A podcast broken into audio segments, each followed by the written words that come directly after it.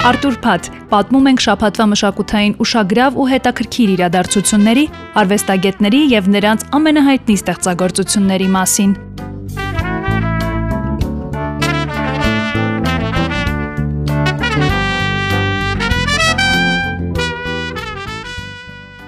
Tried to make me go to rehab. I said no, no, no. Yes, I've been black, but when I come back. Այս ալբոմը ներանձնական զգացումների ամենայուրօրինակ պահոցն է։ Այս ալբոմում տեղ գտած յուրաքանչյուր ստեղծագործություն մի մեծ կտավ է, որտեղ խտացած են երգչուհու հույզերն ու ապրումները։ Հնչում է երգերից որևէ մեկը ու ամեն բան པարզ է։ Երգացանքն այսօր ջազային է։ Մեր հերոսը ջազի դիվաներից մեկի Amy Winehouse-ի Back to Black ալբոմն է։ I gained about 17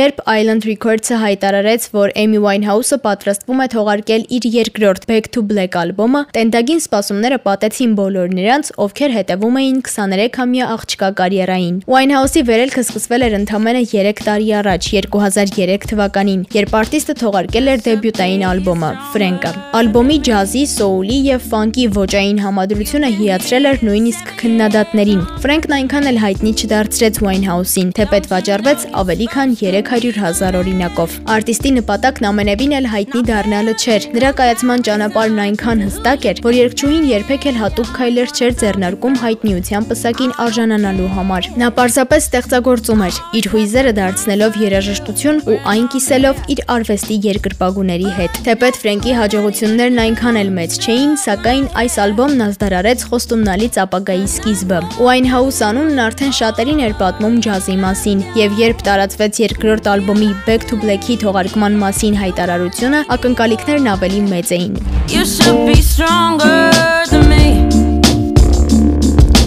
But instead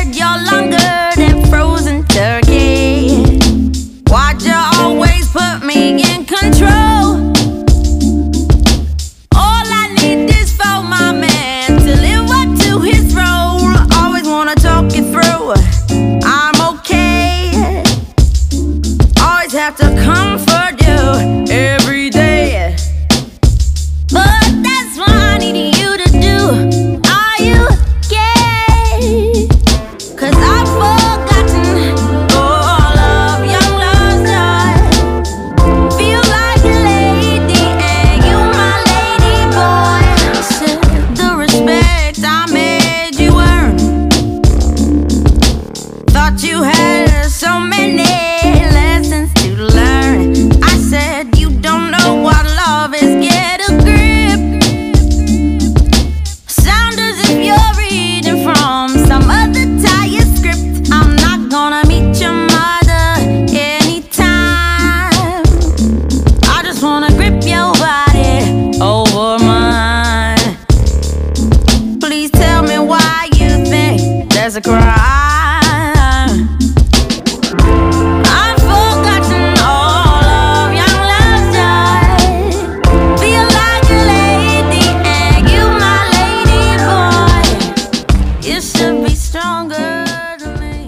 Ալբոմի ամենամեծ հիթը տարիներ շարունակ համարվում էր առաջին սինգլը՝ Rehab-ը, որը պատմում է Winehouse-ի իրական կյանքում տարած պայքարի մասին։ Քչերը գիտեն, որ այս, ինչպես նաև ալբոմի մյուս երգերի հիմնակարը համանուն սինգլն է՝ Back to Black-ը։ Այս տխրության սիմֆոնիան գրվել է պրոդյուսեր Մարկ Ռոնսոնի հետ, որը նաև ղեկավարել է ողջ ալբոմի ստեղծման ընթացքը։ 2006 թվականի մարտին արտիստին համոզում են հանդիպել Մարկ Ռոնսոնի հետ։ Ժամանելուն պես Winehouse-ը Ռոնսոնին շփոթում է ձայնագրող ինժեների հետ եւ ինչ ինչպես ասում է նրա հայրը Էմի իմ դուստրը գրքում, երգչուհին կարծել է, որ պրոդյուսերը անպայման պետք է երկար մորուքով տարեց հրեալինի։ Այդուհանդերձ նրանց հանդիպումը կայացավ եւ երաժշտության հանդեպ մեծ սերը երկուսին էլ ողջևորեց ու թույլ տվեց գրել նոր երգեր։ Ես ստեղծեցի այս փոքրիկ դաշնամուրային ռիֆը, որը դարձավ Back to Black-ի չափածո ակորդներ։ Այսպես է նկարագրել պրոդյուսերը երգի ծնունդը։ Winehouse-ը ողջևորված էր Ռոնսոնի երաժշտությամբ ու գաղափարներով։ Երգչուհին շատ արագ գրեց երգի բառերը, որոնք ամբողջությամբ արտահայտում էին այդ շրջանում նրա հույզերն ու ապրումները։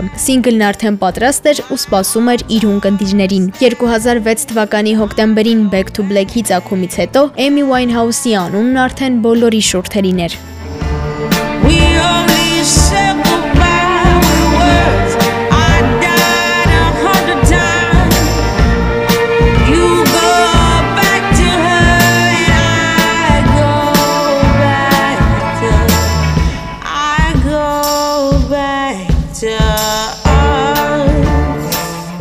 Թվում է անհամեմատելի են Էմի Ուայնհաուսի յուրահատուկ երաժշտական կերպարն ու բոլոր ժամանակներում կենթանի մնացած ստեղծագործությունները։ Back to Black ալբոմի եւ համանուն սինգլի հաջողությունն ավելի արտահայտիչ դարձավ երգչուհու մահից հետո։ Գուցե նրա կծու խոսքերի գրողներն ավելի շատացան կամ պարզապես հետո սկսեցին գնահատել արտիստի արվեստը։ Սակայն մի բան անքննելի է։ Այս ալբոմն ասես հավերժական պատմություն լինի, որտեղ շատերը կյանքի ինչ որ հատվածում գտնում ու կորցնում են իրենց։